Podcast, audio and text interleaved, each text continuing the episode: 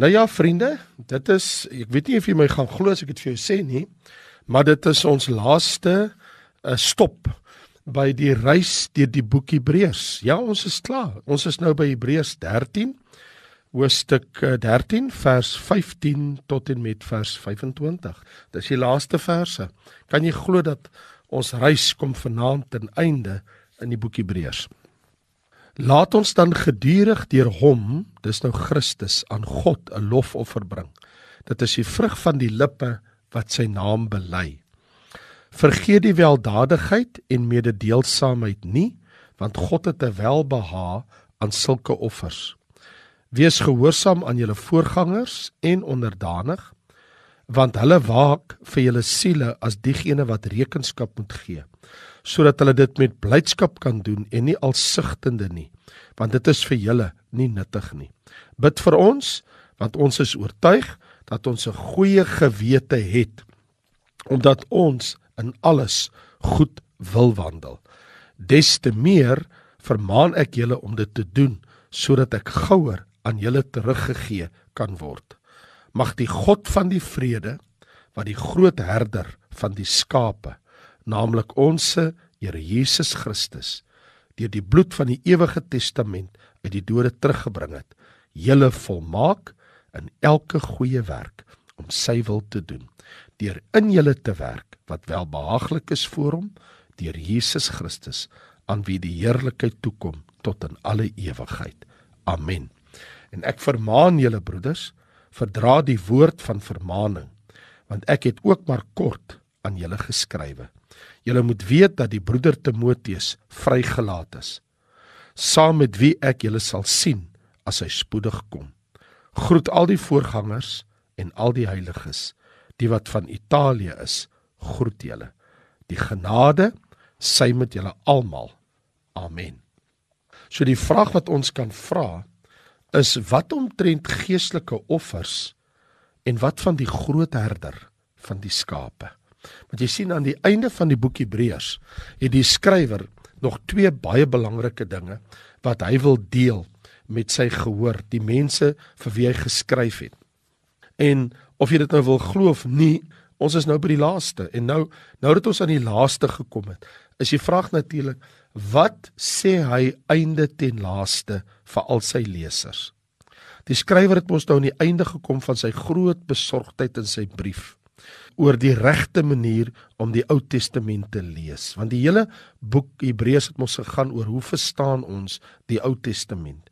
En sy antwoord is hier in Hebreërs, die skryf van Hebreërs, die Ou Testament moet gelees word met 'n kristologiese fokus. In ander woorde, die fokus is altyd op Christus, die priesterskap, die offerstelsel, die tabernakel, die tempel, die volk van die Here ons moet altyd Christus soek in die Ou Testament. In ander woord gaan oor 'n kristologiese fokus. Tweede belangrike ding. Hy wil hê dat die leser van die Ou Testament moet die Messias, die Christus ontdek ook in die Ou Testament, nie net in die Nuwe Testament nie. So daar's altyd 'n soeke na Jesus in die Ou Testament. En dan natuurlik 'n baie belangrike punt wat hy maak wie Jesus Christus nie soek in die Ou Testament, verstaan nie waaroor die Ou Testament gegaan het nie. So dit bring nou vir my ten slotte in ons reis deur die boek Hebreërs. Nou dat ons hoofstuk 13 die laaste verse gehaal het. Die vraag wat ek en jy nou het is: Maar wat omtrent geestelike offers? En nou antwoord hy want dan gaan ons nou nie meer 'n tempel wees in so meer nie. So wat omtrent die offers? En sy antwoord is in vers 15 en vers 16 laat ons dan gedurig deur hom deur Jesus aan God dis die Vader 'n lofoffer bring. Dit is die vrug van die lippe wat sy naam bely. Vergeet die weldadigheid en mededeelsaamheid nie want God het 'n welbeha aan sulke offers. So omrede Christus en die nuwe verbond is daar mos nie meer diereoffers nie. Daar's nie veronderstel om te wees nie Ek bedoel Jesus is tog die lam van God. Hy het mos die volbragte finale offer gebring. Ek bedoel, hy het ons al vroeër vir ons in hoofstuk 10 gewys, dierebloed het ten beste sonde net bedek, maar dis die bloed van Jesus wat sonde wegneem. So alhoewel die Here diereoffers in die ou verbond ingestel het, het dit verbygegaan. Dit was net vir 'n tyd lank totdat die ware offer die Christus sou kom. So diereoffers was nie uh, tot niks geldig nie. Natuurlik was dit geldig, maar die beste wat diereoffers kon doen vir die vergifnis van sondes van mense as hulle aan die Here kom offers bring, was hulle sonde was net bedek, maar was nooit weggeneem nie. Was bedek. Maar nou dat dit tot 'n einde gekom het, diereoffers omdat Jesus se bloed, die lam van God, sonde wegneem. As ons dan nou nie meer sulke offers aan God kan bring, diereoffers nie. Watter offers kan gelowiges wel aan God bring? En hier's twee uitsonderlike offers wat vir God aanneemlik is. Skrywe die skrywer van die uh, aan die boek Hebreërs aan die gelowiges nou van die boek Hebreërs. Hy sê: "Laat ons gedurig deur hom Christus aan God 'n lofoffer bring." Hy sê: "Kom ons bring deur ons hoëpriester Jesus, want Christus is mos die hoëpriester. So kom ons bring deur ons hoëpriester gedurig deur lofoffers aan God. So as ons in die naam van Jesus die Here loof en prys as ons offers bring. So wat van absolute kardinale belang is, Ons bring nie lofoffers in ons eie naam nie.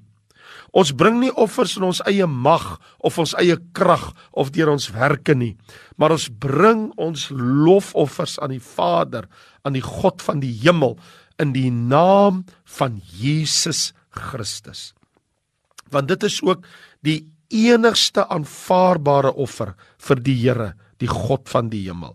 En hy sê ook in die tweede deel van vers 15, die vrug van die lippe wat sy naam bely. So ons lippe moet 'n ego wees van wat ons in ons hart bely.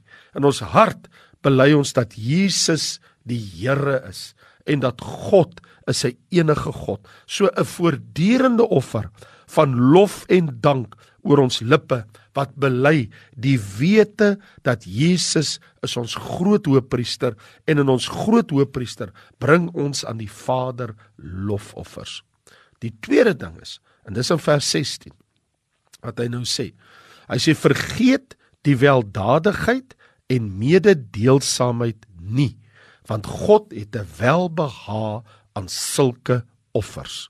So laat ons offers nie net bring van die vrug van die lippe wat sy naam bely nie, maar nou kom ons bring ook praktiese offers van weldadigheid en mededeelsaamheid want God het 'n welbehae in sulke offers. In ander woorde, ons moet nie nalat om goed te doen aan ander mense nie.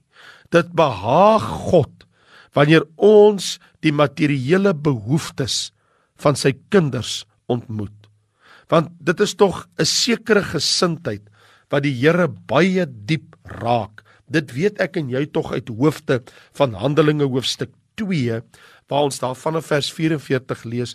Dis nou die eerste kerk wat ooit op aarde was, die gelowiges. Almal wat gelowig geword het, was bymekaar. Het alles gemeenskaplik besit. Hulle het hulle eiendomme en besittings verkoop, die opbrengs onder mekaar verdeel, vir almal gegee wat hulle nodig het. Dag vir dag het hulle eendragtig in die tempel volhard, van huis tot huis brood gebreek, hulle voedsel met blydskap, eenvoudigheid van hart geniet en God geprys het en in guns was by die hele volk en die Here het daagliks by die gemeente gevoeg die wat gered is. Hier kan jy baie duidelik sien wat die ingesteldheid was, wat die gesindheid was. Dit behaag die Here wanneer hy sulke eenvoudige handelinge van liefde by sy kinders sien. Wanneer sy kind in nood gehelp word. So gewoonlik gebruik God mense om die behoeftes van sy kinders te ontmoet. God kan 'n wonderwerk ook doen, maar oor die algemeen, God werk in iemand se hart en jou en my hart om ook 'n blessing te wees vir 'n ander gelowige. Soms gebruik God engele. Soms doen God self 'n wonderwerk. Maar die meeste van die tyd gebruik God vir my en jou. So nie die die vraag is Watse offers kan ek aan God bring? Dis wat die Hebreërs skrywer nou sê in die laaste hoofstuk. As jy 'n offer wil bring, bring 'n lofoffer om die Here te loof en te prys deur Jesus Christus jou hoëpriester. En bring offers van weldadigheid en mededeelsaamheid. Wees vrygewig en seën die gelowiges. Nou is die ander vraag natuurlik, maar wat omtrent kerkleiers? Want in die volgende vers, vers 17, sê hy maar wees gehoorsaam aan julle voorgangers en onderdanig, want hulle waak vir julle siel as diegene wat moet rekenskap gee, sodat hulle met blydskap kan doen en nie alsigtende nie. So wat ons hier tref is, maar dit gaan nie oor kerkleiers want hy praat oor voorgangers. Nou voorgangers is onder andere die predikers in die gemeente, jou ouderlinge, jou leiers en en so meer. En en so hulle sal verantwoordelik gehou word voor God want hy sê hulle waak oor julle siele. Letterlik om jouself wakker te hou. So die betekenis is eintlik hier in die oorspronklike. Sommige leiers het slapelose nagte oor hulle kudde. Want jy sien, hulle moet eendag rekenskap aan God gee. Predikers sal voor God staan en rekenskap gee oor hoe hulle die kudde wat aan hulle sorg toevertrou was, wel versorg het. En hierdie is 'n ontnigterde feit vir enige prediker en herder van 'n kudde mense siele. Ek bedoel die Bybel sê tog moenie baie leermeesters wees nie. Maar natuurlik predikers is leermeesters, maar ons moet net weet dat as jy een van hulle is, dan sal jy voor God moet staan. So die hoekom en die waarom moet hierdie kerkleiers teen 'n groter oordeel gaan is wat hy hier sê. Hy sê die feit dat hulle 'n kennis van God en sy woord het vir God se mense en skape en God hulle geroep het om die woord aan die kudde te verkondig, het hulle verantwoordelikheid. So die feit dat die prediker deur God geroep is, is die onus mos nou op die prediker om 'n student van die woord te wees en self die woord te gehoorsaam en dit dan te verkondig. Jy kan nie net sê ek wil preek want God het my geroep nie. Waar is jou integriteit as 'n kind van God? Waar is jou uh, persoonlike lewe en verhouding met God? Dit gaan mos nie net ek wil preek nie. Dit is het jy die reg om te preek? In ander woorde, verdien jy dat mense na jou luister? Want groot verantwoordelikheid bring ook maar daarmee saam groot rekenskap. Ek bedoel, hoe meer aan my en jou toevertrou is, hoe meer gaan die Here eendag van ons terugeis. So hier is die punt. Elke gelowige Christen en elke Christen prediker sal voor die bema, voor die regterstoel van Christus te staan kom. 2 Korintiërs 5 vers 10 sê ons moet almal voor die regterstoel verskyn. Romeine 14 vers 12 sê baie duidelik. En daar kom ons 'n oomblik van waarheid. Nou miskien moet ek jou net weer herinner dat daai oomblik van waarheid waarvan die Bybel spreek, is mos in 1 Korintiërs hoofstuk 3. Is daar van vers 11 af. Dat as jy op 'n fondament gebou het, maak seker dit is Jesus Christus en dan sê hy: As iemand op die fondament bou, goud, silwer, kosbare stene, hout, hooi stoppels, elkeen se werk sal aan die lig kom, wat die dag sal dit aanwys, omdat dit deur vuur openbaar gemaak word en die vuur sal elkeen se werk op die proef stel hoe danig dit is. As iemand se werk bly staan wat hy daarop gebou het, sal hy loon ontvang. As iemand se werk skade ly, verbrand word, sal hy skade ly, alhoewel hy self gered sal word, maar soos deur vuur heen. So hier is die saak. Terwyl dit so is, dat Christene by die bema, die plek van beloning, moet verskyn. Sal Christenleiers, predikers, 'n selfs groter oordeel ondergaan. So leiers sal moet antwoord oor hoe hulle sorg gedra het vir mense wat hulle toevertrou was deur die groot herder van die skape. Want hy sê mos in vers 20: Maar mag die God van die vrede, dis nou Hebreërs 13 vers 20, wat die groot herder van die skape, naamlik ons Here Jesus Christus. So hier is die ding. Die gemeenteherder moet aan die opperherder. Petrus noem ons Jesus in 1 Petrus 5 die opperherder of die skrywer van die boek Hebreërs noem die hoëpriester Jesus hier die groot herder. So leiers, predikers, mense wat dan voorgangers is in in in in 'n gemeente waar daar 'n groep gelowiges is.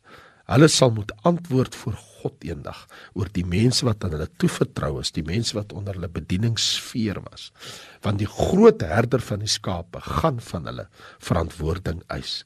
So wat die skrywer aan die Hebreërs om op beroep is dat hy wil 'n goeie gewete voor God bou. Daarom sê vers 18: Bid vir ons want ons is oortuig dat ons wil 'n goeie gewete voor God hê. So hy vra bid asseblief vir ons dat wat ons doen dat ons 'n skoon rein gewete kan hê. Weet jy, die beste ding wat jy ooit vir jou pastoor, jou dominee, jou kerkleier, jou voorganger kan doen, is om vir hom te bid. Bo alles. Hy sê bid vir ons. Bid net.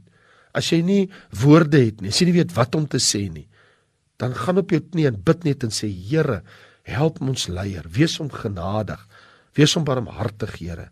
Geef hom wysheid. En nou baie duidelik, nou dat ons aan die einde kom van die hoofstuk en van wat die skrywer te sê het, wat omtrent die leier van alle leiers, die groot herder van die skape. Hy sê mag die God van die vrede wat die groot herder van die skape, naamlik ons Here Jesus Christus deur die bloed uh van die ewige testament uit die dode uit teruggebring het. Wat 'n gepaste manier om sy boek, sy skrywe tot 'n einde te bring. Vir oulaas vir 'n laaste keer aan sy lesers vra hy: "Kyk na die leier van alle leiers. Kyk na die herder van alle herders." Ons het 'n volmaakte beeld hier van God en van Jesus. God is die God van die vrede. Hy sê: "Mag die God van die vrede." Hierson vers 20. Reg aan die einde die laaste hoofstuk, Hebreërs 13. Mag die God van die vrede. Jy sien, die God van vrede wat ons vrede gee met hom en onsself, gee ons vrede met mekaar. So ons kan sê hy is die God van vrede. Nou wanneer Christus vermis is, as hy nie deel van ons lewe is nie, dan kan ons nie met oortuiging sê dat ek die vrede van God nie. Maar wanneer jy Jesus in sy regte plek in jou lewe het, dan is die Vader die God van vrede in jou en my lewe. En dan praat hy van Jesus, die groot herder van die skape. Jy sien, die herder is die een wat gereed is om sy lewe neer te lê vir sy skape. En die skape, hulle verdra die herder se dwaasheid want hy hou uh, nooit op om vir hulle te sorg want wat hier gebeur is dit sal mos dwaas wees as 'n herder as hy nie die skape versorg nie. So die herder op sy beurt, hy verdra die skape se dwaasheid. Hy hou nooit op vir hulle te sorg nie. Dit is die skape wat soms so dwaas is wat nie weet wat om te doen nie, maar die die herder, die ware herder, hy help sy skape. Ons het 'n groot herder, Jesus Christus, en hy het deur sy bloed 'n nuwe testament daar gestel, 'n nuwe verhouding met God. Hy het opgestaan uit die dood uit. Hy lewe, hy het sy lewe gegee vir sy skape. Nou is daar 'n ewige testament, want dis waarvan hy praat. Hy sê wat God deur die bloed van die Nuwe Testament daar gestel het, 'n nuwe verhouding met God. Hy het opgestaan uit die dood uit, daar's 'n ewige testament. En nou sluit die skrywer in die laaste 2-3 verse sy brief met 'n woord, 'n groet met 'n seën. Jy weet Dr Moffat, hy het gesê jy kan hierdie boek Hebreërs hardop deurlees in minder as 1 uur. En ek het dit al gedoen. Ek het al by geleentheid gaan sit en ek het hierdie hele boek in minder as 'n uur het ek dit gesit en deurlees. Ek het eendag by die see gaan sit, my Bybel oopgemaak en ek het vir myself gesê, ek gaan hierdie hele boek nou deurlees. En ek het van vers 1 tot die laaste vers, het ek met minder as 'n uur, het ek die hele boek deurgelees. En en soos wat Dr Moffat gesê het, jy kan wel die boek Hebreërs in minder as 'n uur deurlees. Hy sê maar die goddelike waarhede wat in daai boek geopenbaar is, is vir ewig. 1 uur gemeet teen die ewigheid. 1 uur van jou lewe kan vir jou 'n ewigheid saam met God en Christus bewerk. Miskien nou dat ons gekom het aan die einde van die boek Hebreërs. Miskien is dit dalk net dit dat jy moet gaan sit en hierdie boek deurlees. Mag die Here jou waarlik waarseën. Groetes, ek is Raymond Lombard en as die Here wil, kuier ons volgende Sondag aand hier by Fokus op die Woord weer met mekaar en so tussen hakkies. Woensdae aande is daar ook 'n Fokus op die Woord program. Woensdae aande en Sondae aande. Ek is daar van Volle Evangelie Kerk, Lewende Woord Gemeente de Parow. Jy's meer as welkom vir ons te kom kuier. Baie dankie en totsiens.